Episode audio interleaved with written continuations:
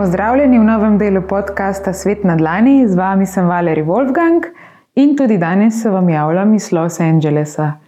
Danes bo zvok malenkost drugačen, ker delam en eksperiment in sicer se bom v tem trenutku odpravila ven po mestu na sprehod po centru, ker grem do trgovine po Los Angelesu. In sem pomislila na to, da bi vas tokrat vzela sabo. Na sebi imam pripet mikrofon, tak mali mikrofonček, ki ga običajno uporabljamo na televiziji, pripet na srajco in bom šla na sprehod po mestu ter govorila o tem, kaj vidim, in mogoče si boste tudi vi za trenutek predstavljali, da ste z mano v tem gigantskem mestu in greste do trgovine v Los Angelesu. Tako da zdaj pa stopam skozi vrata in že takoj lahko verjetno slišite razliko v zvoku, ker zapuščam tole svojo hiško in odhajam na ulico, zaklepam vrata. Evo, treba je dobro zakleniti, ker nikoli ne veš, kdo bo stopil iz ulice v hišo. Recimo, včeraj sem imela situacijo zvečer, da sem že šla spat.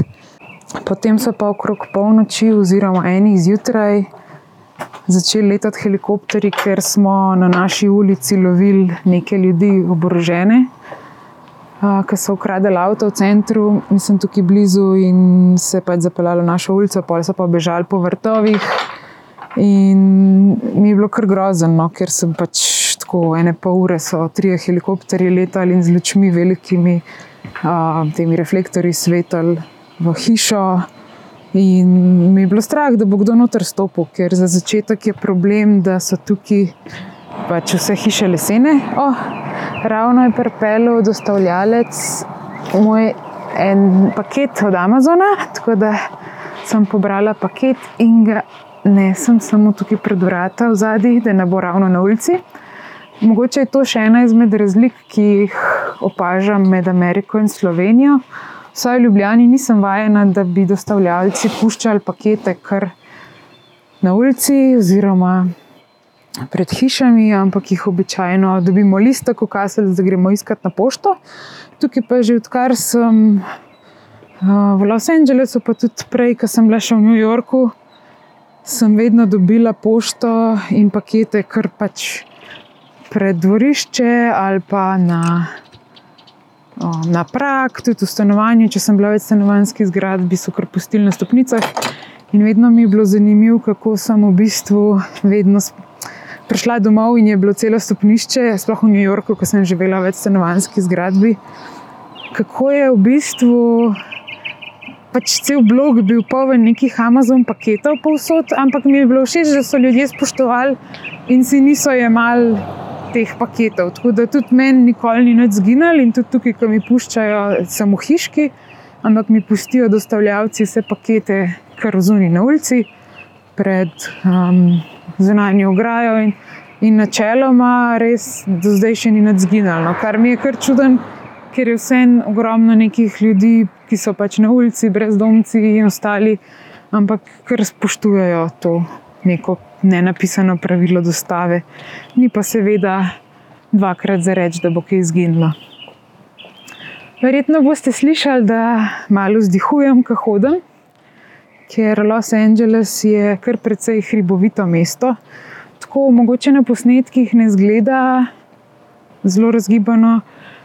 Tudi sama, še preden sem prvič bila tukaj, sem mislila, da je res ravninsko. Ampak sploh ta severni del okrog centra, kjer sem tudi jaz trenutno, je zelo razgiban teren, veliko ulic je kar precej strmih in greš vse čez gor in dol. Um, predvsem ljudje niso vajeni pešcev, no jaz rada hodim veliko peš, tukaj imam do trgovine slaba dva km. In če imam le čas, grem raje peš, kot da se zapeljem. Velikrat grem tudi s kolesom, kar je še bolj bizarno za njih, ker niso vajeni kolesarjev in moram tudi sama kar precej paziti, no, ko se borim s prometom ali pa hodim peš, ker um, v bistvu ni, noben ne pogleda, ko zapelje z ulice na cesto. gledajo samo v tisto smer, ki grejo, ne pogledajo levo, desno. In če si s kolesom ravno z tiste strani, na katero ne bojo zavili, te definitivno ne bojo opazili in bojo kar šli, tudi če je prehod za pešce. Tako da sem se navadila že, da vedno spustim avtomobile naprej in ne preizkušam svoje sreče. Za razliko od drugih evropskih držav, pa tudi v New Yorku, moram priznati, da so kar boljši vozniki, um, sem vedno navajena, da pač ljudje ustavijo, sploh če sem na prehodu za pešce in grem s kolesom čez ali pa no, še en helikopter, verjetno ga slišite. Tukaj je res ogromno helikopterjev in prometa v zraku, pa pač avtomobilov, niti ne bomo menjali, ker je res totalen naval. Sploh če greš med neko sedmo in deveto uro zjutraj, si res nočeš biti na cesti, ker boš ujet v avtomobilu v tej tako imenovani rush hour, ko grejo vsi v službo, pa popovdne tam nekje med četrto, oziroma že okrog tretje se začne nabirati. Med četrto in eno sedmo zvečer, pa tudi si v bistvu ujet v prometu. No. Sploh, če moraš čez center, in trenutno sem jaz na taki lokaciji, ki je kar precej centralna. In se res izogibam teh ur, če se le da, da grem veliko prej ali pa veliko kasneje domov, ker sem raj eno uro, ne vem, grem še v telovadnico ali pa na plavanje, pa odplavam eno uro in sem potem v 15 minutah doma, kot pa da sem uro ali pa dve v avtu za isto razdaljo teh 15 minut. Take so razlike v prometu, če greš ob nepravi uri. Če se vrnem nazaj k voznikom, ja, Kalifornijčani so, vsaj po mojih izkušnjah, kar precej slabi vozniki. Veliko vidim prometnih nesreč, da se pač velikokrat zaletijo. Mogoče tudi zato, ker opažam predvsem mlade ljudi za volanom, v smislu, da enim izgledajo stari 13 let, ampak domnevam, da so vsaj 15, ker mislim, da je 15 spodnja meja, kdaj začnejo voziti, ali pa 16 in ne delajo nekih full izpitov in glavnih voženj, tako kot v Evropi, ampak začnejo kar sami voziti v spremstvu staršev, pol pa poznajo neki spit pisni, mislim, da grejo pisati nekaj tasga. Tako da nekih avtošol sploh nisem še opazila, sploh ne vem, če so verjetno se da zmeniti, ni pa po mojem obvezno, vsaj po tem, kar opažam. Um, trenutno hodim po tem naselju, kjer se nahajam in sicer imenuje se Eco Park. To je v bližini mogoče malo bolj znanega Silver Lake, oziroma malo bolj proti centru sem jaz, ki strogi center se imenuje Downtown.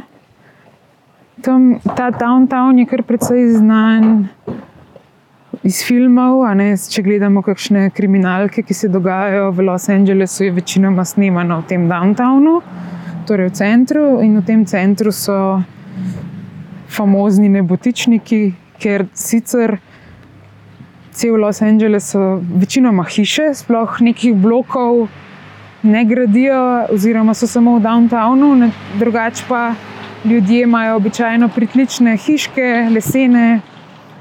Zelo mogoče spominjajo na Mehiko, mehikan, mehiški stil, bi rekla, in mogoče bolj si lahko predstavljate, no, če, če niste še bili tukaj vse je iz lesa. Zato sem bila takrat, ko sem prej omenjala, da so helikopterji včeraj krožili in iskali te osebe oborožene, malo prestrašena, ker marsikdo, pač, če bi želel, bi komod prišel v mojo hišo, ker ta vrata in stena je vse skupaj tako tanko, da bi samo z roko butno noter in bi že čez, ne vem, brez nekega močnega močne sile, bi komot odprl in si pač nisem želela sred noči neke družbe oboroženih ljudi. Tako da ja, te stvari so kar mal neprijetne. Pa tudi veliko potresov je tukaj.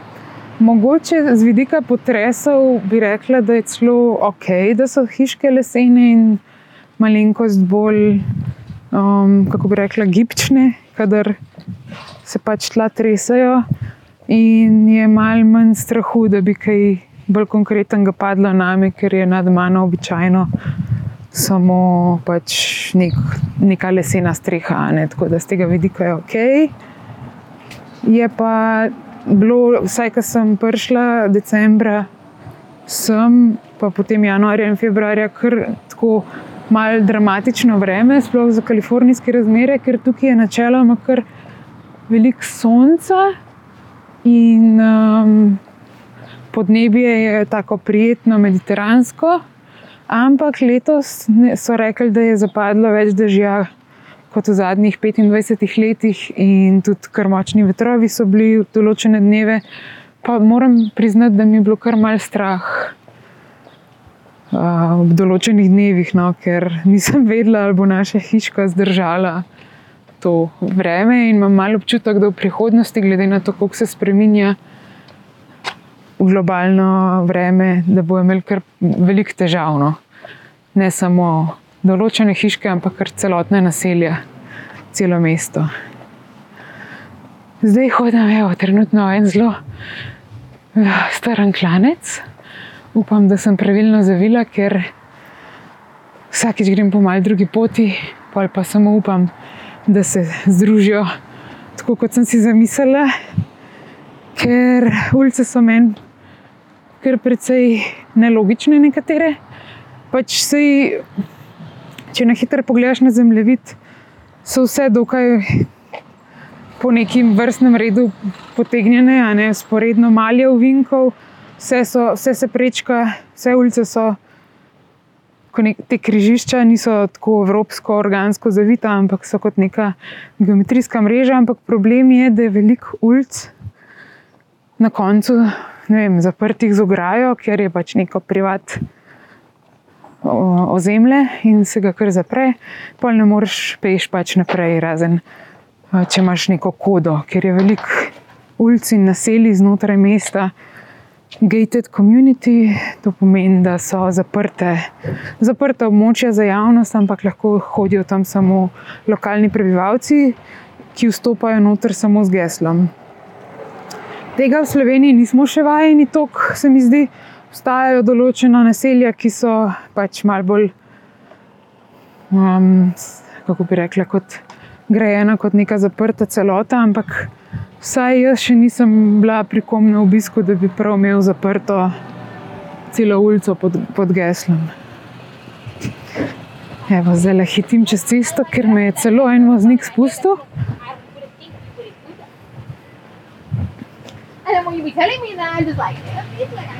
In šla sem mimo dveh oseb, ki sta se kregale na cesti. Ne vem, kako ste kaj ujeli, ampak če že koga srečam, običajno je to nekdo, ki stoji pred hišo in ta oseba se nekako prepričuje z drugo osebo, da mora se izseliti ali pa kaj tasga, tako da mislim, da se je trenutno to dogajalo. Kar se tiče najemnin in vseh možnih teh stanovanjskih problematik je Los Angeles eno izmed vseh globalnih mest, ki ima iste težave kot tudi naša Ljubljana. In sicer, da je pre, preveč povpraševanja in premalo ponudbe, večina o, ljudi si ne more prvoščati dragih najemnin. Jaz sem zelo hvaležna, da sem tukaj preko Fulbright štipendije, ki mi omogoča, da si lahko prvoščam njihove najemnine, ker s slovenskimi plačami in s tem, kar zaslužim v Sloveniji, si tega ne bi mogla prvoščati. In sem tudi kar precej šokirana, ko berem kakšne njihove lokalne forume, kjer sprašujejo, koliko rabijo minimalno za življenje tukaj. In v tem našem predelu, kjer jaz živim, recimo svetujejo, če si samska oseba ali pa tudi no, z družino, da po glavi, prav vsak izmed para, ne zasluži naj se ne preseli sem, če ne zasluži manj kot tam okrog 150 tisoč dolarjev na leto, ali pa rajš malo več. In to je nekje minimalno, da normalno živiš tukaj, kar je pa kar precej več kot marsikdo v Sloveniji zasluži, ker dvomim, da na leto sploh kakšne mlade osebe že toliko zaslužijo. Sploh, če gledam našo generacijo, mislim, da redki no, živijo na ta račun, pa ne samo, da dobijo ta denar, če bi pri nas pač dobil. Sto, če imaš 150 tisoč dolarjev plače na leto v Sloveniji, si že malenkost višji standard, tukaj si pa v bistvu nižji srednji razred ali pa tako nek začetni srednji razred in si ne moreš spet vsega prvoščati, kaj šele, da bi pač živel kot nek bolj višji srednji sloj. Ali pa pol, če gledamo bogataše, si ne predstavljamo razlik. Tako da to trenutno hodim po cesti proti parku, ki je del tega ekoparka, je tako lepo jezero, mogoče znano iz filmov, mislim, da je v Lala Land, da se te dva glavna igralca gresta, pa še v drugih filmih, vem, da sem že videla. No. Če sta v Los Angelesu in imata neko romantično sceno, je na tem jezeru, ki je zelo znano po teh pedalinih, čovnčkih v obliki labodov, a, tako lušni beli labodi, pedalini, s katerimi se potem voziš gor in dol po, po, po tem pač jezerčku. Zdaj sem pa prišla do malo bolj glavne ulice, ki se imenuje Hollywood Boulevard. In iščem način, kako priti čez šest pasovnico, ki seka, reže ta predel mesta in ni valjda nikjer nobenih prehodov za pešce. Jaz pa poskušam mal peš priti do te trgovine, ne, ker bi res rada par stvari kupila in sem tudi sredi nekega dela in bi rada šla mal pretegniti svoje noge. Bomo pa videli, če uspem priti v enem kosu do tja. Pogosto se mi zgodi, da moram kar teči čez kakšne dele mesta, čez kakšne ceste, Problem je, da je večina avtomobilov tukaj avtomatikov in mal nisem vajena tako hitrih pospeškov, ker vsaj pri nas, recimo v Evropi in drugih podobnih državah, no, imamo še vedno menja, večino, ma, bi rekla, manualno predstavljanje avtomobilov. In to pomeni, da, da smo nekako vajeni, da če so avtomobili na semaforju, pol pa speljejo, da rabijo malenkost več časa, ne, da vsak da gas, klopko, pa za potem prestavi više prestave. Tukaj pa vsi, takoj, ko je zelena, na polno stisnejo gas in so avtomatiki, pa kar močni avtomobili. In imajo v parih sekundah zelo hitre hitrosti. Tako da, ko greš čez in če vidiš avto, ki čakajo, je treba kar dosti biti pozoren, ker so lahko že čez dve sekunde tako v tebi in ti na haubi. Tako da tega se mal bojim, pa tudi malo me je strah. Zadnje čase je tukaj res veliko električnih vozil, ker Kalifornija res trenutno dobro sofinancira nakup električnih vozil, ker imajo tudi oni močno strategijo, kako bojo postopoma prešli na elektriko. In sploh zjutraj, ko vsako jutro grem teč na jutranje teke, imam kar dosta težav, ker jih teh avtomobilov ne slišim. Nekateri pač imajo neke zvoke, mislim, da jih tudi umetno malo dodajajo, ampak večinoma bi pa rekli, da so kar precej bolj tihi kot običajni avti. In moram biti pozorna, no, če pridejo za mano, ker še to je eden izmed več problemov, ki sem že omenila, da je težko sploh najti področje za pešce. Problem je tudi v tem, da tudi če je pločnik, je velikokrat toliko smeti na teh pločnikih, in, ali pa kakšne kante, ali pa ne vem, dostavljalna vozila, da ne moreš mimo in moraš nujno po cesti, kot trenutno zdaj le ravno mimo hodim. Kant in ne morem biti več na pločniku, in sem šla zdaj po cesti. In eni tok eni vozijo tako pri robu, da moraš paziti, da te ne butnejo pač z avtom.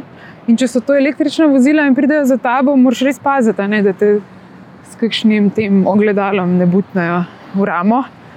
Tako da probujem vedno biti na tisti strani, da vidim vozilo, ki vozi proti meni, ampak že zaradi tako širokih cest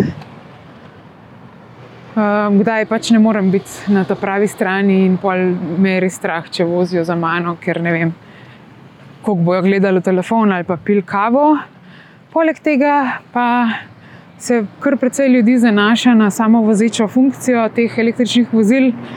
En moj znanec tukaj mi je prav povedal iskreno, da je kupil Teslo samo zato, ker so mu predstavili delovnik in morajo že ob petih zjutraj od doma ker pa težko zjutraj vstaja, pol uporabi samo vozečo funkcijo, zato da zjutraj v bistvu se usede v avto, odpelje v službo in pol še mal spi. Tesla pa pač avtomatsko ga pelje do službe, pa vmes pač mečken pokorigira vožnjo, ampak načeloma kar spi. Zato mi je kar malo skeri. Sploh ker vem, da sem jaz ena izmed tekačic in pešcev na cesti in pol te vozila pač mimo mene šibajo. Zdaj bom šla pa v trgovino, pa vas bom imela na mikrofonu, pa mogoče slišite tudi malo dogajanja v trgovini. Hello. Ena izmed redkih oseb tukaj bom vzela košarico za nakupovanje, ker vsi vozijo te gigantska vozila, oziroma te nakupovalne vozičke. Jaz pa rada vzamem košarico, ker raje večkrat gremo v trgovino, pa kupam sproti stvari. Danes, v tem trenutku, bom kupila samo tri zadeve. In sicer zdaj le za malce sem si zamislila kokice, za kokice, čigumije, pa še ne vem, kaj mi še manjka, še par stvari. Drugo pa imam, sej trgovine so kar pogoste, ni problem najti to, kar iščeš. A, kosmičev mi je zmanjka, še kosmiče. Pa jogurt, joj, no, mogoče pa ne bojo samo tri stvari.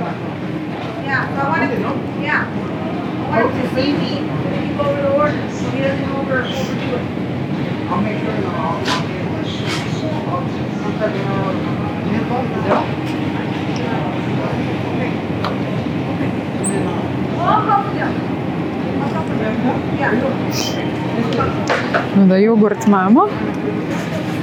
Zdaj pa kosmiče. Pri kosmičih se vedno zataknem, zato ker, ja, pri kosmičih se vedno zataknem, zato ker je težko dobiti kakšne, ki nimajo pretiranega sladkorja. Načeloma se ne izogibam toliko spet sladkorja, da bi za vsako ceno ga ne vzela. Ampak če se le da pogledam, no, zato ker so kakšni kosmiči me tako presenetili da mi je kar usta skupaj potegnilo od vsega sladkorja. Ker tukaj pri njih so vsi produkti kar precej sladkani in me kdaj kar šokira, no, kako to močno vpliva na sam okus. Tako da zdaj pa iščemo kosmiče. Ogromno je nekih um, krimarjev, to so te kremne, kremni prelivi za solate, tega je res veliko. Pol imamo tukaj, grem ravno mem raznih pripravljenih hran. Super je, da imam na sebi jakno trenutno, ker je toplo, ampak v trgovinah imajo tako pojačano klimo, da res v bistvu težko sploh. Brez jakne preživiš v trgovini.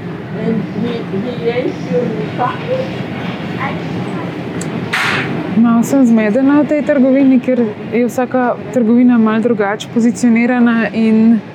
Če sem iskrena, mi je veliko bolj prijetno v Sloveniji, kjer imamo načeloma po istem sistemu vse trgovine in se pol ne zgubljam kot neka kokoška. Aha, našla sem kokice. No. Mislim, da bo pokalo danes v pisarni. Zdaj pa sam pogledam cene. Pa zanimivo je, da pri kokicah mi ni treba skrbeti, ampak pri drugih produktih je pa zelo pomembno, da gledamo, um, v bistvu, da moramo vedno preveriti tole. Um, ko se reče datum pred iztekom, ker velikokrat v trgovini, čeprav je neka velika trgovina, prodajajo stvari, ki so že pretekle, oziroma so čez rok. Tako da to svetujem, če potujete v Ameriko, da vedno pogledate, kdaj je kakšna zadeva uporabna, ker se hitro zgodi, da kupite nekaj, kar je že čez rok. In ste pol presenečeni, ko to odprete doma. In je recimo plesnivo vse noter. To je vse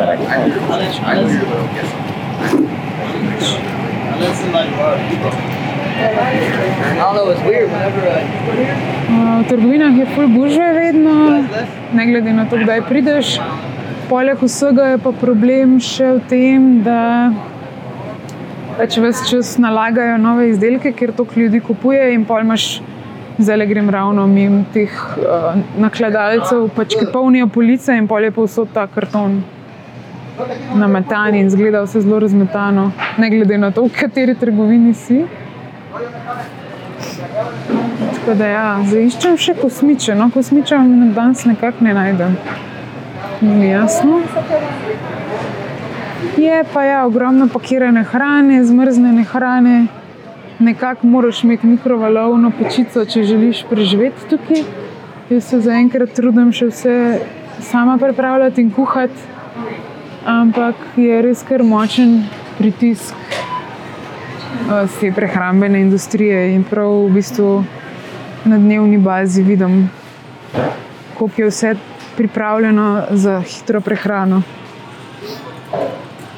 Mhm, ok, našla sem kosmiče, zdaj pa najdemo nekaj, kar bo uporabnega. Ja, z vseh škatelj kosmičev me spremljajo razni pisani junaki. Spider-Man, Action Man in podobno, jaz pa iščem kaj, kaj je manj dramatičnega in manj barvitega. In bolj zdravega, če se le da. Bomo videli če bomo prišli do česa.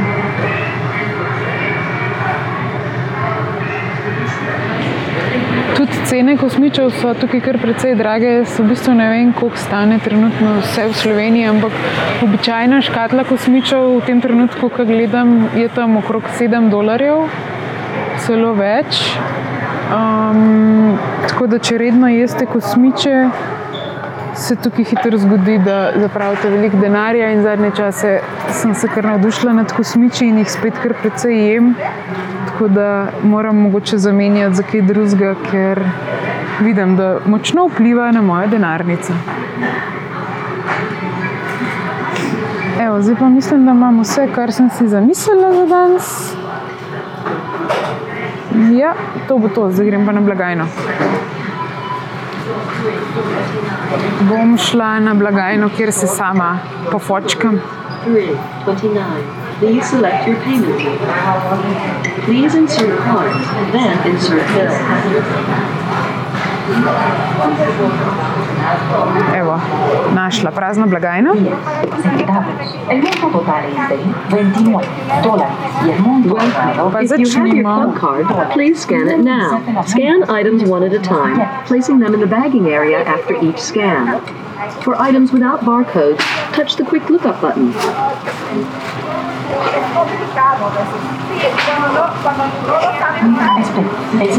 Procesando su 3.99. If you have your club card, please scan it now. 3.49. Un punto de su recibo 99.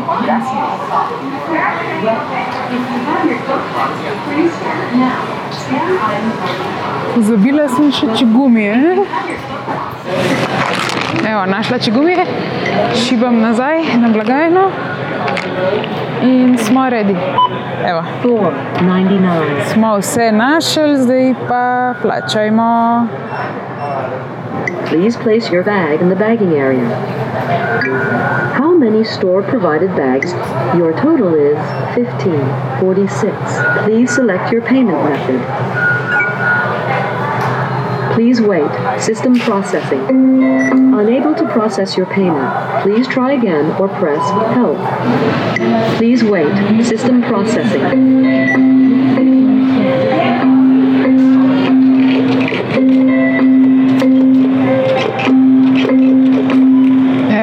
Smo uspeli plačati. Neke težave sem imela pri plačevanju, ker vse delam z Apple Pay. Um, tukaj večino stvari plačujem z mobitelom, v bistvu denarnice sploh ne nosim s sabo, med drugim tudi zaradi tega, ker me je mal strah po mestu, da bi kar z dokumenti in denarnico eh, se sprehajala. Tako da, če se le da, je nikoli ne nosim s sabo, razen pač pasport imam pri sebi. No. Ker vse, če te policija dobi, moraš imeti nek dokument. Tako da, evo, uspeli smo plačati, zdaj vzamem košarico in jo vrnem nazaj. Oh, thank you. Have a good one. Oh, evo, preživela na kupe, odhajam ven, vrnila sem košarico in gospod jo je prijazno vzel pri izhodu, varnostnik, zato sem se mu zahvalila in rekla, da ima lep dan. Oni rečejo v Kaliforniji, no, mogoče tudi v New Yorku, čeprav takrat, ko sem bila v New Yorku, nisem tako bila pozorna. Ampak zelo radi tukaj rečejo, have a good one, ne pa have a good day ali pa višjo good day, torej have a good one. To je najbolj klasičen pozdrav, torej imej se lepo, bi lahko rekla. Um, in pol sem tudi malo vprašala, zakaj sploh rečejo have a good one, ne pa um, have a good day ali pa good morning ali whatever. In Pa mi je ena rekla, da v bistvu to reče, zato ker nikoli ne vejo, ali je za človeka, ki ga srečajo, šele bolj jutro ali popovdne, eni pa druge navade, izmene. In če rečejo have a good one, v bistvu zajamejo cel spektr delovnikov in dni, in tako pač so si malo poenostavili zadeve. Zdaj grem pa na ta sprehod po parku, kot sem že rekla, da še en krok naredim, preden grem nazaj delati. Danes delam od doma in ta mesec sem v bistvu na drugi lokaciji, kjer običajno, ker jaz sicer živim na jugu Los Angelesa, ki je veliko bolj, se mi zdi, prijazen v smislu življenja, razmer malo bolj zelen, ma- malo manj prometen, malo manj gneče, čeprav je še vseeno v primerjavi s Slovenijo kar precej nagneteno. Ampak je v bistvu kar neko predmestje tega centralnega dela. Ta mesec sem pa prav v centru, čist najbolj v centru, v bistvu, kar je možno, ker me je pa sodelavec prosil, če lahko skrbim za njegove dva mačka, ker je on na poti v Pariz, tam je šel na neko konferenco glede uh, Združenja mednarodnih filmskih šol, ker je tukaj tudi uh, v bistvu glavni direktor Združenja filmskih šol. In je kar precej potuje, in pa smo se pred kratkim sva bila na kosilu, pa sem rekla, da nisem veliko v centru, ki me je sprašval, kako se mi zdi pač center Los Angelesa. Sem rekla, da nisem veliko tukaj, ker mi vzame kar veliko časa, da pridem iz mojega predela do centra. In pol tudi za nazaj grede. Zdaj ste slišali neko žvižganje, to ni žvižgal gospod Men, ampak kliče svojo čivavo. Ne vem sicer, kako se sliši to na mikrofonu, pač veliko čivav je tukaj neumestno, verjetno zaradi Mehike. No, ampak, kaj sem, kaj sem govorila, a ja, no. In ne grem veliko v center, ker mi vzame veliko časa, da pridem do centra, pol pa spet veliko časa, da pridem nazaj do doma in si ne želim tukaj biti sama na cesti po zahodu, ker zvečer so kar tako. Marsikdo je že pod drogami, alkoholu, pa sploh se mi zdi tako, same punce, če hodijo, smo kar precej izpostavljeni, nažalost, še vedno. Jaz sicer imam pri sebi sozivc, pa tudi nož. No. To so mi ga dali uh, sodelavci, da hodim z nožem naokrog. Znam ga tudi uporabiti in sem tudi nasplošno trenirana, osnovno za samo obrambo, ker sem tudi odslužila svoj del vojske, med drugim. Ampak vseeno, pač, če si presenečen in napaden, mislim, da noben nož in sozivc ne pomaga. In preventivno, no, če je tako, raje ne hodim v center sama, razen kadar gremo skupaj na kakšen dogodek, pa z družbo, da se odpeljemo z avtom. Ampak tudi drugi ne hodijo preveč radi v center mesta, ker, kot sem že omenila, tukaj je precej kaotično, veliko je brezdomcev. Zelo je umazano, trenutno recimo hodim po pločniku in na drugi strani ceste, na pač v sporednem pločniku, je toliko smeti, bi lahko rekla, da so kupi celo višji od mene. Ampak to niso smeti, ki jih bojo pobrali, to niso kante za smeti, ki bi bile preveč polne. To je pač samo odvržen material, ki jih ljudje meče čez okno. Na moji levi, recimo, prazna škatla za pice, ki so jih pojedali in vrgli čez okno. Pač ljudje mečejo stvari čez okno, veliko je nekih krožnikov, vilc, vrečk, ker tukaj res bi rekla, celo po nekih statistikah, ki sem gledala, 70% ljudi, vsaj, ali celo 85%, nekje sem brala, ljudi v bistvu dnevno se prehranjuje samo s hrano iz restavracij, ki jo pač vzamejo to go. In pol pač je teh embalaže res ogromno, in ljudje, ker nočejo imeti to v avtu, da jim smrdi, ker se pač dve ure v avtu, v kolonah, to kar vržejo čez okno. Meni se to sicer ne zdi normalno, sploh niti pomislila ne bi sama, da bi vrgla krožnik in vilico čez okno sred mesta, recimo, vem, da bi šla po Bavarskem dvoru v Sloveniji in vrgla krven. Ampak se mi malo zdi, da so tukaj kar tako, se delajo malo neumne, če poenostavim, pa pač vržejo ven. In če en vrže, pa še drug vrže, in tega je naenkrat ogromno. ne. Tako da smeti je res veliko. Se mi zdi, da je Los Angeles celo eno najbolj umazanih mest, kar sem jih obiskala. Zmagali bi mogoče samo kakšen predel Afrike, ko sem en projekt snemala, snemalni. Je bilo potovanje v bistvu iz Budimpešte čez Evropo, pa potem skozi Gibraltar na afriško celino, v Maroko, potem pa dol Zahodna Sahara, Mauritanija, Gambija, Gineja, Bisau. Tam, tam je bilo mogoče še več smeti. Ne v vseh predeljih, ne seveda, ampak bi lahko rekla, da je Los Angeles kar konkurenčen afriškim državam, kar se tiče čistoče. Seveda obstajajo določeni predeli mest, ki so ekstremno čisti in ekstremno dramatično moderno razviti. Tam so predvsem bogatejši ljudje, um, to bi bil lahko kakšen Hollywood, pa zahodni, mislim, zahodni Hollywood, pa Beverly Hills, West Hollywood. V tistem delu je na določenih predeljih kar precej zrihtan, zato ker so pač bogati ljudje in imajo svoje čistilce najete. Ampak, če naredim povzetek, tudi tam je kar precej usrano v resnici. In ne bi mogla glih trditi, da je vzor za neko lepo mesto. Predvsem je res problematično to, no, da ni mišljeno za življenje v pešconi, ampak je vse v avtomobilih. Zato imam tudi občutek, da je njim dokaj vse, kako izgleda mesto, kot ko si na cesti, pa te smeti sploh ne opazijo.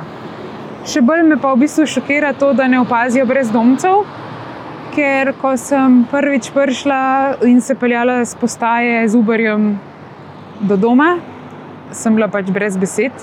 Čeprav sem obiskala Los Angeles že deset let nazaj, pa sem malo že pozabila na to, pa verjetno je takrat bilo malenkost manj brezdomcev. No.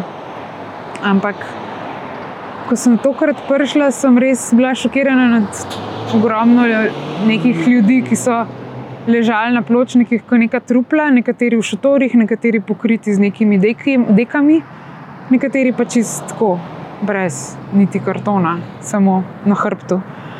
In to je bilo sred dneva, pa sem vprašala voznika, če je to normalno, oziroma zakaj to ljudi kar povsod leži. Pa je rekel, ko so stala na semaforju, kjer je ljudje in je gledal okolje. Pa jaz rečem, ja, ne vem, pet oseb trenutno na najni desni na pločniku, tako v razmaku petih metrov, drug med drugim ležijo. A to pač je bil nek žur ali zakaj, zdaj, kje so te ljudje. Pa je rekel, ja, ti brezdomci misliš, pa si ja, ne, sej kdo pa drug očitno. In je rekel, da iskreno sploh ni opazil in da že dolgo ni pel v Uberju nekoga, ki bi sploh omenil te brezdomce, ker večino imamo pač domačine. Um, in ko sem rekla, ja, ma, če mi lahko več pove o tem, kaj so zdaj ti brezdomci in zakaj jih je toliko, je rekel, da iskreno pač res nima pojma, zakaj jih je toliko pa pač tudi ne opazi jih več. In tudi vidim, no, ko hodijo po cesti, ti ljudje sploh ne gledajo te. Mislim, tako so kot neki predmeti, te, te ljudje. In mi je ful grozno, kako smo hkrati na istem prostoru, nekateri strojno prepolno ritijo, nekateri pa nimajo niti za en sendvič. Pa pač, da ne omenjam, da jejo iz smeti, da spijo pač na betonu, brez da bi imeli kakšno spalno vrečo ali kar koli. Tako da je res grozljivo. Veliko teh ljudi je tudi problematično, ker imajo mentalne težave. In ni problem, da bi zdaj tem ljudem dal nek denar in rekel, ok, imate denar, pejte, ste rešeni.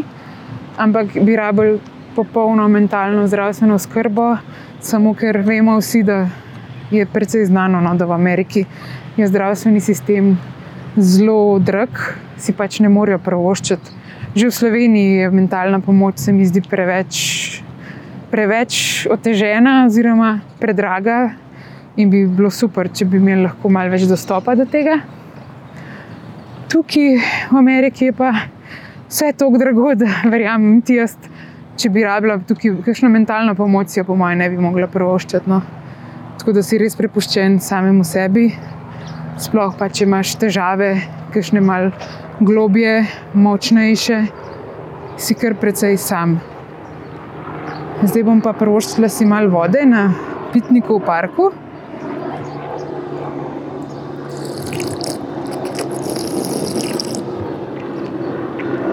Pa še malo svežitve. To mi je pa zelo všeč, ker je povsod no, na par kilometrov, ali pa ne, manj kot na par kilometrov, kaj govorim. Je veliko pitnikov uh, javnih in uh, pritisneš tipko in teče voda, sveža, hladna, prijetna. In mi je ful všeč in redno uporabljam. Tudi ko tečem, zjutraj grem ponavadi krok tam 10 km in da ne jemljem sabo kakšne vode ali pa česa podobnega, uh, se ustavim na kakšnem pitniku, pa malo spijem, ker že zjutraj je kdaj kar precej toplo, pa pa še malo hladne osvežitve. Pa super je, da mi ni treba ničesar nositi sabo med tekom, razen v žepu imam sovzivc, tega, brez tega pa sploh ne grem ven. Um, tudi danes zjutraj sem že malo razmišljala, da bi mi lahko celo prišel prav, sem ga imela že v roki žepa, ker je kar precej, se to je hecno. No? V bistvu je velika metropola, mesto, ampak je pa precej nekih divjih živali. In danes zjutraj, recimo, ko sem tekla čez en predel, med, po neki malo bolj mirni ulici, sem zavila iz teh prometnih cest, da ne poslušam več čas avtomobile. Sem tekla med dvema večjima vrtovoma, po neki malce manj prometni cesti, in sem kar naenkrat zapadla v krdelo kojotov, bilo je pet kojotov, in običajno se me ustrašijo in zbežijo. To so taki malce manjši volki, oziroma večje lisice. Kar koli obrneš, bolj so volkom podobni dejansko po izgledu, sploh kakšni, ki so malce bolj rejeni, ki jejo smeti in zajce. Tudi zajcev je ogromno. Moram kar paziti, da zjutraj čez kakšnega ne padam, ker kar posod so po pločnikih ti zajci. Ampak samo zjutraj, pol čez zadnjih nikoli še nisem videla. Jaz grem že pred vzhodom, tako da v bistvu zmotam to divjino. Um, Los Angelesko, hm, težko je to sklanjati, Los Angelesko. Kaj pa vem, neki tasga, verjetno je prav. No, in sem zapadla v krdelo teh kojotov, kar se mi zdelo malo, pa sem se ustavila in sem nadaljevala s tekom, ker je ta, verjetno bil alfa samec, imel je tudi G, G, GPS vratnico, ki običajno nimajo, ampak po moje je on nek vodja tega krdela, zato je imel ta GPS vratnik. In je kar postavil se pred mano, ne, in je tako malo mi že zagrozil, ko kar pazi, kva delaš. In mi ni bilo jasno, zakaj je začel pač hoditi proti meni, ta kojot. Uh, pa sem pa ugotovila, da v Grmovju so čez cesto hoteli še mladički, a ne njihovi mini kojotki. Tam čez, na drugi strani ceste so bili pa že drugi večji kojoti. In ta alfa, mogoče bila tudi mami, se ne vem, je mal čuvala, da jaz ne bi se približala mladičom. a Ne? Se mi ni nič hotla, ampak sem se pa kar malo strašila, da bi pa mogoče na robe razumela, pa, pa bi se mi preveč približala, pa mogoče me ugriznila, se ne vem, kaj točno naredijo. In zato sem imela vse pripravljen že sozilec v roki, ampak sem pač probala mirno mimo, brez da bi bilo treba to kaj uporabiti. No, ne želim si sploh uporabiti te zadeve. In na koncu je bilo mirno, sem šla mimo, me je spustil mem ta volkec, malo je še za mano hodil nekaj časa, ampak me je pustil primer, pa sem videla, da je dojel, da noč nočem in sem tekla naprej. Da je bilo fajn. Um, ampak ja, mislim, da je imeti sozivc s sabo kar fajn že zaradi teh živali. Potem je ogromno kač. Vsakič, ko grem na kakšen sprehod po službi, grem rada na kakšen hribček, res je veliko hribov tukaj okrog. Ampak takih, to so nizki hribi, ne to govorimo v višini tam do 400 metrov, mislim, da je najvišji hrib. Če ne so pa bolj tam okrog 200 metrov, hribčki, planjave, kako koli bi jim že rekli. In so sicer poseljeni s hišami, je pa malo bolj na, na redko, tako da je fajn se iti sprehajati. Potke so kar prijetne, ampak moraš vedno vedeti, da lahko vidiš in srečaš kačo. Moraš paziti, da ne stopiš na kakšno, ker če ne, so kar v redu, niso napadalne, večinoma so klopotače. Rattlesnake, ki so zelo stropene in si ne želiš, da te ugrizne, ampak ja, če bi stopila na kakšno, bi me pa pač ugriznila od strahu ali pa zato, ker bi se branila. In pol je problem, da imaš dve ure časa, da dobiš pač proti strup, če ne, ne vem. Mislim, da zna biti kar problematično, smrtno. In ja, zato to omenjam, ker je pa taka topografija, pa tako površina zahoda te potke so tako um, puščavske, v barvah kač. In tudi razne veje so na, na potki, nikoli ne veš, ali je veja ali kača. In pa je kar problematično. No? Moraš zelo, zelo biti pozoren in gledati v tla. Enkrat se spomnim, da sem glih dobivala neke SMS-e in probala odpisati na te SMS-e vmes, a ne, ker je bila potka ravna, nič se ni spuščala ali pa dvigval, teren je bil čist tak um, pregleden. Sem pol gledala v telefon in sem bežno na tla pred sabo, na kar sem k sreči ugotovila, da je en korak naprej klopotača in se pač sem zadržala ta korak, da nisem stopila na njo, ampak lahko bi se pa mal bolj grozen končal.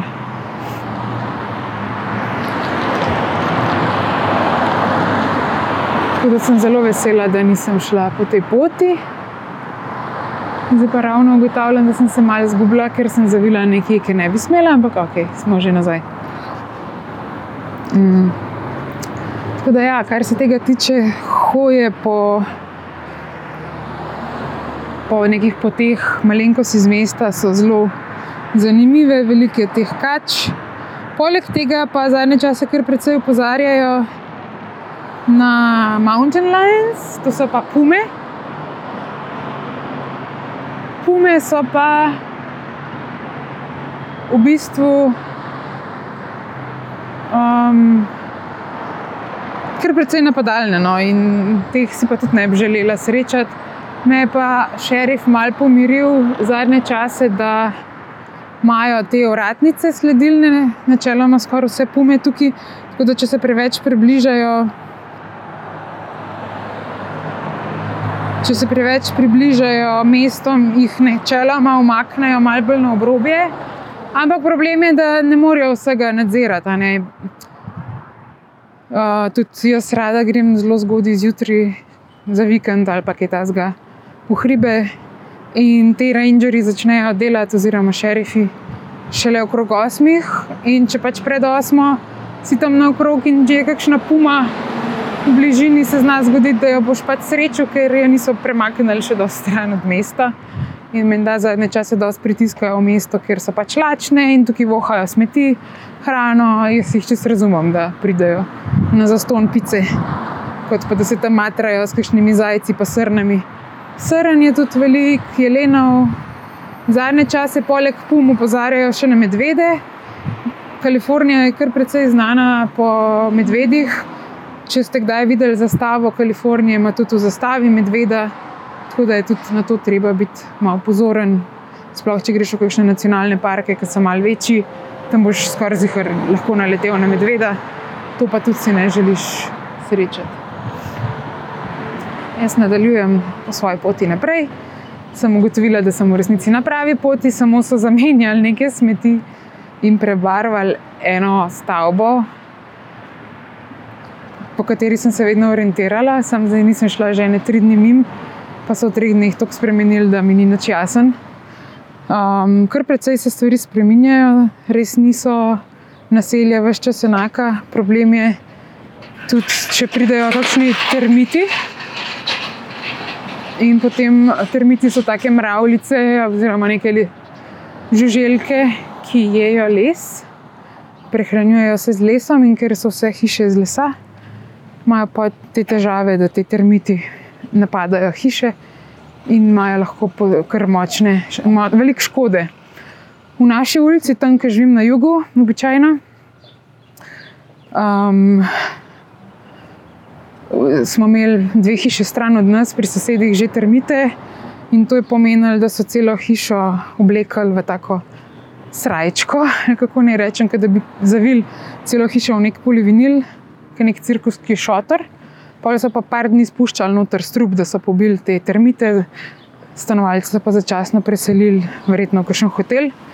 In potem so tudi, smo imeli nek sestanek skupnosti, pač tiste ulice, da so nam povedali, ja, da pač moramo biti pozorni, če tudi na naši hiši vidimo termite, da moramo opozoriti, ker če ne, lahko pizdarije. Kar se tiče te pizdarije, ki že glih govorim v, o, o grdih besedah, je pa tudi se zgodilo v sosednji ulici, da je pa ena hiša pa čisto imela to čiščenje termitov, ampak ker niso bili uspešni, jih niso uspeli pravočasno pač odstraniti te termite, so mogli pol tudi hišo podreti, so pa tudi hitro nazaj zgradili, no, ker so te montažne gradne kar precej hitre in v enem mesecu so jim podarili na novo zgradili celo hišo. Pač eni familiji. Zdaj sam upam, da so imeli to kaj zavarovalno, a ne, da tukaj zavarovalnice pokrijajo to ponovno postavitev, ampak ne vem res. Tudi, ko sem sprašvala lastnika, kjer najemam a, sobo, kaj bi se zgodilo v primeru, če bi našo hišo podarili, oziroma pač določili, da je potrebno, da se jo podere, pa na novo zgradi. Če bi, to, če pač bi zavarovalnica to krila, pa tudi ona dva v bistvu nista čist vedela, ker sta še bolj mlada lastnika in v bistvu sta rekla, da nista še razmišljala o tem. Sta se pa kar precej prestrašila, ko so potem pri sosedih najdel termite in se zavedala, da je to eno vprašanje, ki mogoče si ga morata začeti postavljati in narediti nek plan, če bi prišlo do tega. Ampak sej vsaka drža, država in predeli na svetu ima svoje težave. V Sloveniji imamo verjetno bolj težave z ogrevanjem, izolacijo, vlago. Vsaj jaz živim sicer v Ljubljani in je konstantna borba, se mi zdi, s tem, ker je blok premalo izoliran in prihaja do pač teh dolgih zim, veliko vlage, in je treba paziti, da ne začne se plesen rediti in uničevati na ta način, a ne stena. Tako da vsaka kultura ima določene probleme.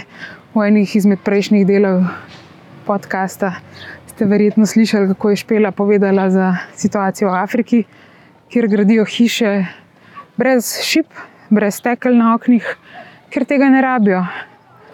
Zdaj v Sloveniji verjetno ne moreš zgraditi hiše brez oken, ker bi v prvi vrsti zmrznil, ko bi bila zima, po drugi strani pa imamo tudi veliko dežja in bi imel verjetno bazen na mest hiše.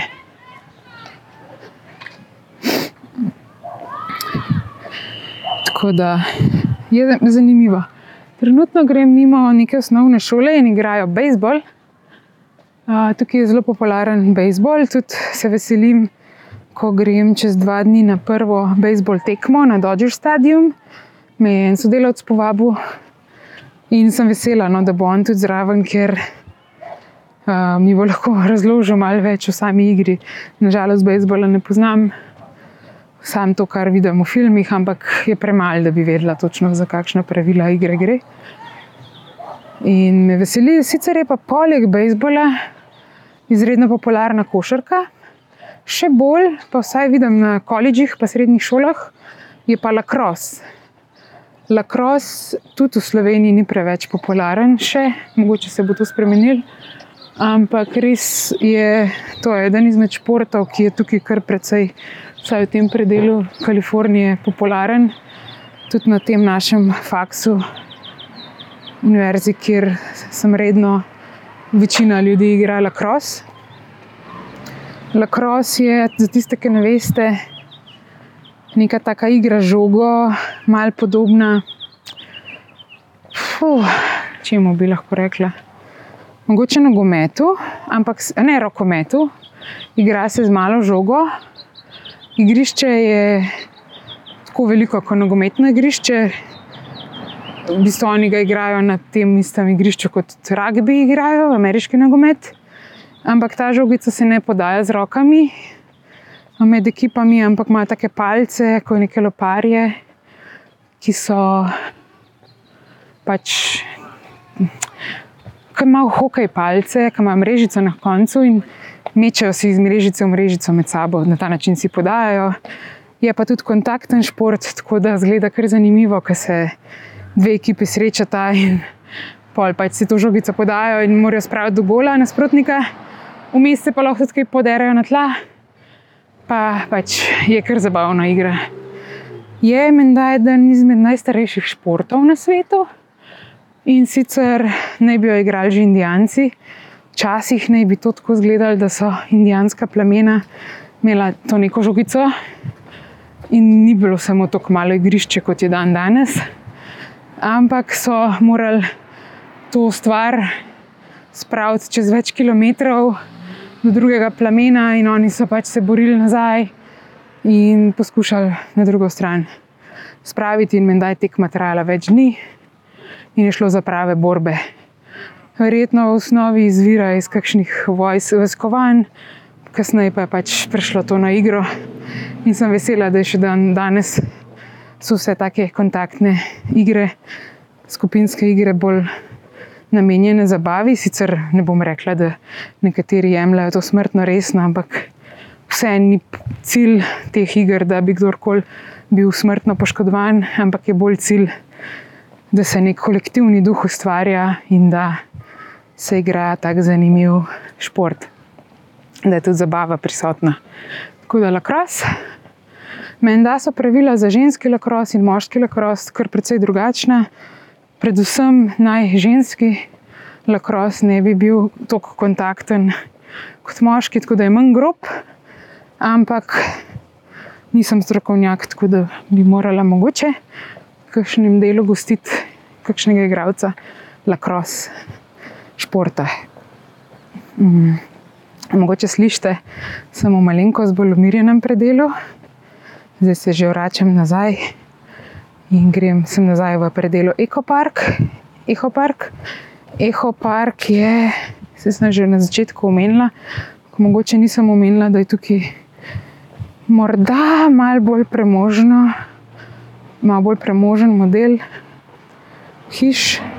Sicer meni osebno vse hiše izgledajo kot zelo slabe hiše v Sloveniji, ker so kar precej že, kako bi rekla, zjahane, oziroma delujejo precej stare. In nekatere tudi so kar precej stare, tako že tam skoraj sto let.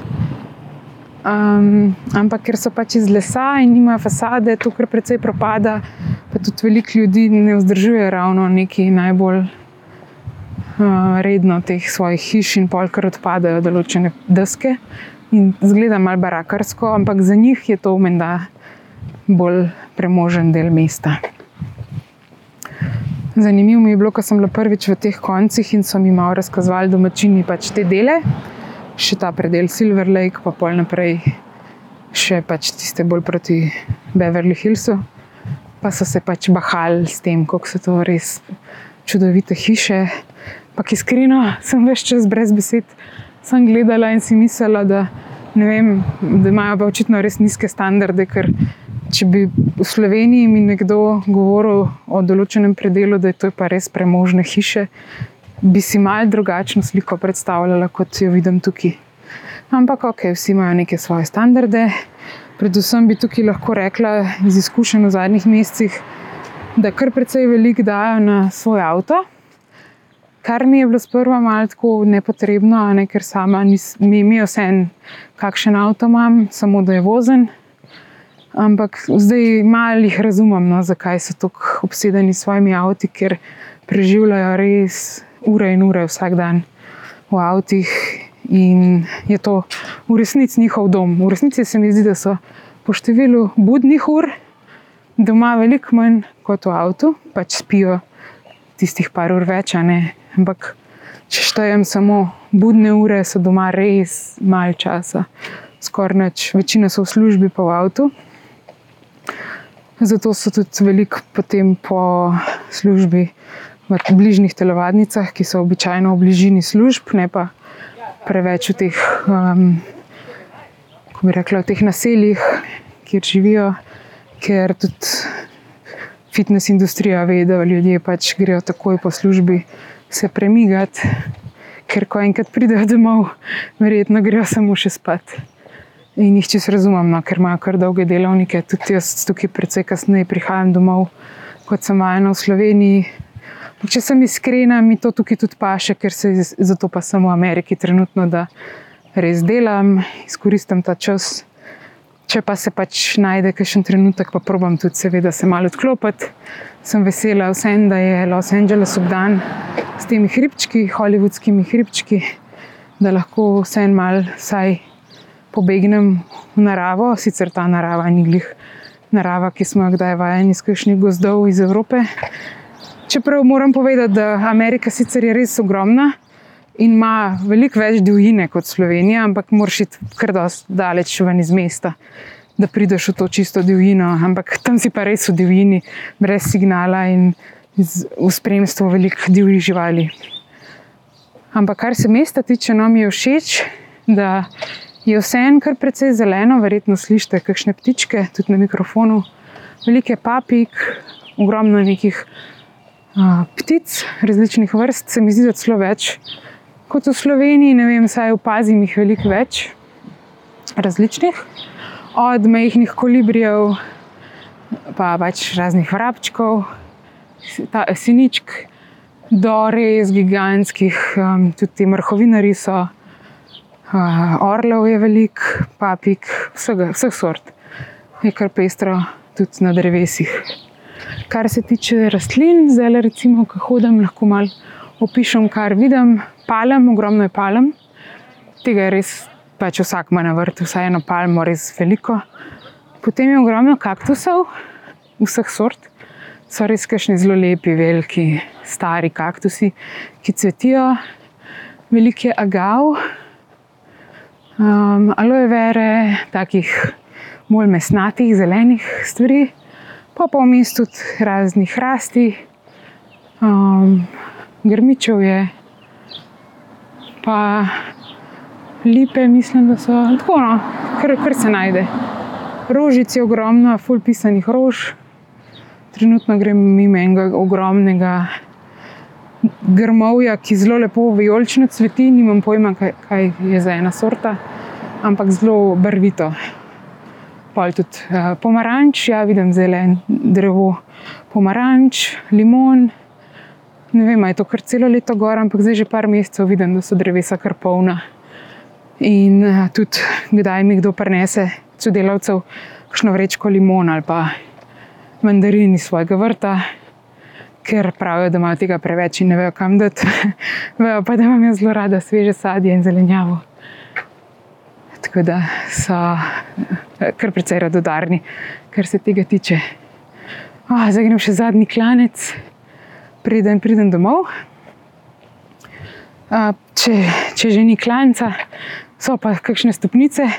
Včeraj sem imela en sestanek in sem se zmenila z enim mladim raziskovalcem, da se dobiva v mestu, ampak da ne bova zdaj v neki kavarni, ker če sem iskrena, mi gre precej na živce, da so tako drage napitnine in tudi cene. In najprej moraš dati 5 dolarjev za eno navadno črno kavo, brez dodatkov, pa pa še 5 dolarjev za napitnino, pa še davki, ne vem kaj vse, na koncu si za ta denar prvoščem lahko že kosilo, če si sama skuham. In zato predra- predlagam vedno, da se dobimo na kakšnih sestankih tako, med sprehodom, v parku, pa pač glede na to, da je skozi idealno vreme, se lahko pogovarjamo tudi na zunanjih površinah. No, in je bil zelo navdušen, da smo šla na, na, nek, na neko razgledno točko, ki sem si želela obiskati, ker še nisem bila. In sva šla hoditi, valjda sva takoj srečala eno kačo, klopotačo. In uh, pač je bilo pa fajn, no, da je bilo to druženje na prostem, tako da mi je bilo všeč in um, tudi bogato s pticami, kačami, rastlinami, vseh sort. Pestro bi lahko rekla. Pa manj smeti je tudi, no, pol, ko greš malo iz mesta, malo naravo. Ja, in te stopnice, zakaj sem začela to omenjati, da so sploh prišla do tega parka, smo mogla v nek klanc, ki so bile take stopnice. Jaz sem kar precej športna, pa aktivna, ampak tako kot Mariborska kalvarija, varianta, dvojno, pač dvojna dolžina. Pa ful, mislim, stopnice so bile tako visoke, da sem komi dvignila nogo na vsako stopnico. Res tak zanimiv razmak. Tako da vseh sort bi lahko rekla, tale Los Angeles. Moje življenje tukaj je kar pestro, probam si vsak dan narediti produktiven, ampak še bolj mi je pa pomembno, da poleg tega, da vsak dan naredim kaj produktivnega in tudi v planih, ki so ne, za moje delo tukaj, da najdem nek čas in trenutek, ki se lahko odklopim, ki lahko mogoče grem plavat ali pa na nek sprehod, se dobim s kom, uživam in se sam smejim in ne mislim na delo. Po mojem je to nekaj, kar je najbolj pomembnega na splošno za vse ljudi, no? Da najdemo neko razmerje med delom in prostim časom. Kljub temu, da sem v mestu, kjer je ogromno torej, nekega hrupa, kot slišite, ogromno nekih nevarnosti, od volkov, kojotov do zblojenih ljudi na cesti, pa mislim, da je vse najbolj pomembno, da v prvi vrsti poskrbimo za svoje dobro počutje, zato da smo sami zadovoljni, samo sami sabo v prvi vrsti. In ko smo enkrat zadovoljni sami s sabo, mislim, da ni problema, ne glede na to, kje se nahajamo. In če ste slišali v mojih drugih podcast epizodah, kjer sem gostila goste, ki živijo po različnih delih sveta, v bistvu lahko potegnemo eno rdečo nit, da ni pomembno, kje živimo, ampak je najbolj pomembno to, da izpolnimo svoje želje, svoje sanje in da če se odločimo, da bomo nekega dne se preselili. Ali pa sanjamo o tem, da bi živeli nekje, ki, ki pač se nam zdi idealno, da moramo sprobati, da moramo iti, spakirati in pogumno naprej, ker res je težko, ko enkrat dosežemo neko starost in naše telo začne pešati. Mogoče smo zaradi določenih drugih stvari gibalno uverani, ali pa smo samo že utrujeni od celega življenja. In mogoče malo škoda, da nismo, ko smo imeli možnost, naredili kakšne spremembe. In ne velja to samo za mlade ljudi, jaz verjamem in tudi svoje prakse, svoje okolice. Vidim ljudi, ki so že v penziji se odločili za spremembo nekega okolja, lahko samo znotraj vem, istega mesta. Ne? Sej ne govorim, da je treba vedno v neko tujo državo. Če pač recimo čutimo se ujete že samo um, v določeni službi znotraj, ne vem, bom zdaj rekla Ljubljane. Lahko tudi znotraj Ljubljane najdemo drugo službo, drug kolektiv, drugo ulico, drugo stanovanje. Sliši se preprosto in vem, da ni, ker pač sem sama šla že čez marsikatero zgodbo, izkušnjo in vem, da so te stvari težke. Ampak če se drug drugega znamo poslušati, razumeti in če se znamo podpirati, je precej lažje. Tako da s tem podkastom si želim nekako pokazati, da imamo res cel svet na dlani. To pomeni, da je naša odločitev samo tista, ki pač kroji našo prihodnost, da se moramo odločiti, iti pogumno naprej in bomo že sproti potem videli, kako se bo vse skupaj razpletel. Če ne drugega, pa pokličemo koga, uporabimo to metaforo svet na dlani, da imamo lahko na mobilnem telefonu dostop do vseh ljudi na svetu. In najdemo pomoč, vprašamo za pomoč, ali pa se samo spodbudimo, pokličemo in rečemo: Bravo, imaš to, um, pogumno naprej. Tako da hvala, da ste me poslušali, zdaj sem pa doma, um, moram naprej delati. mucka me tudi že lačno čakata, vidim, da hočeta svoje kosilo. Tako da se vam javim v naslednjem delu, ko imam novega gosta. Zdaj pa lep pozdrav in nasvidenje čez lužo.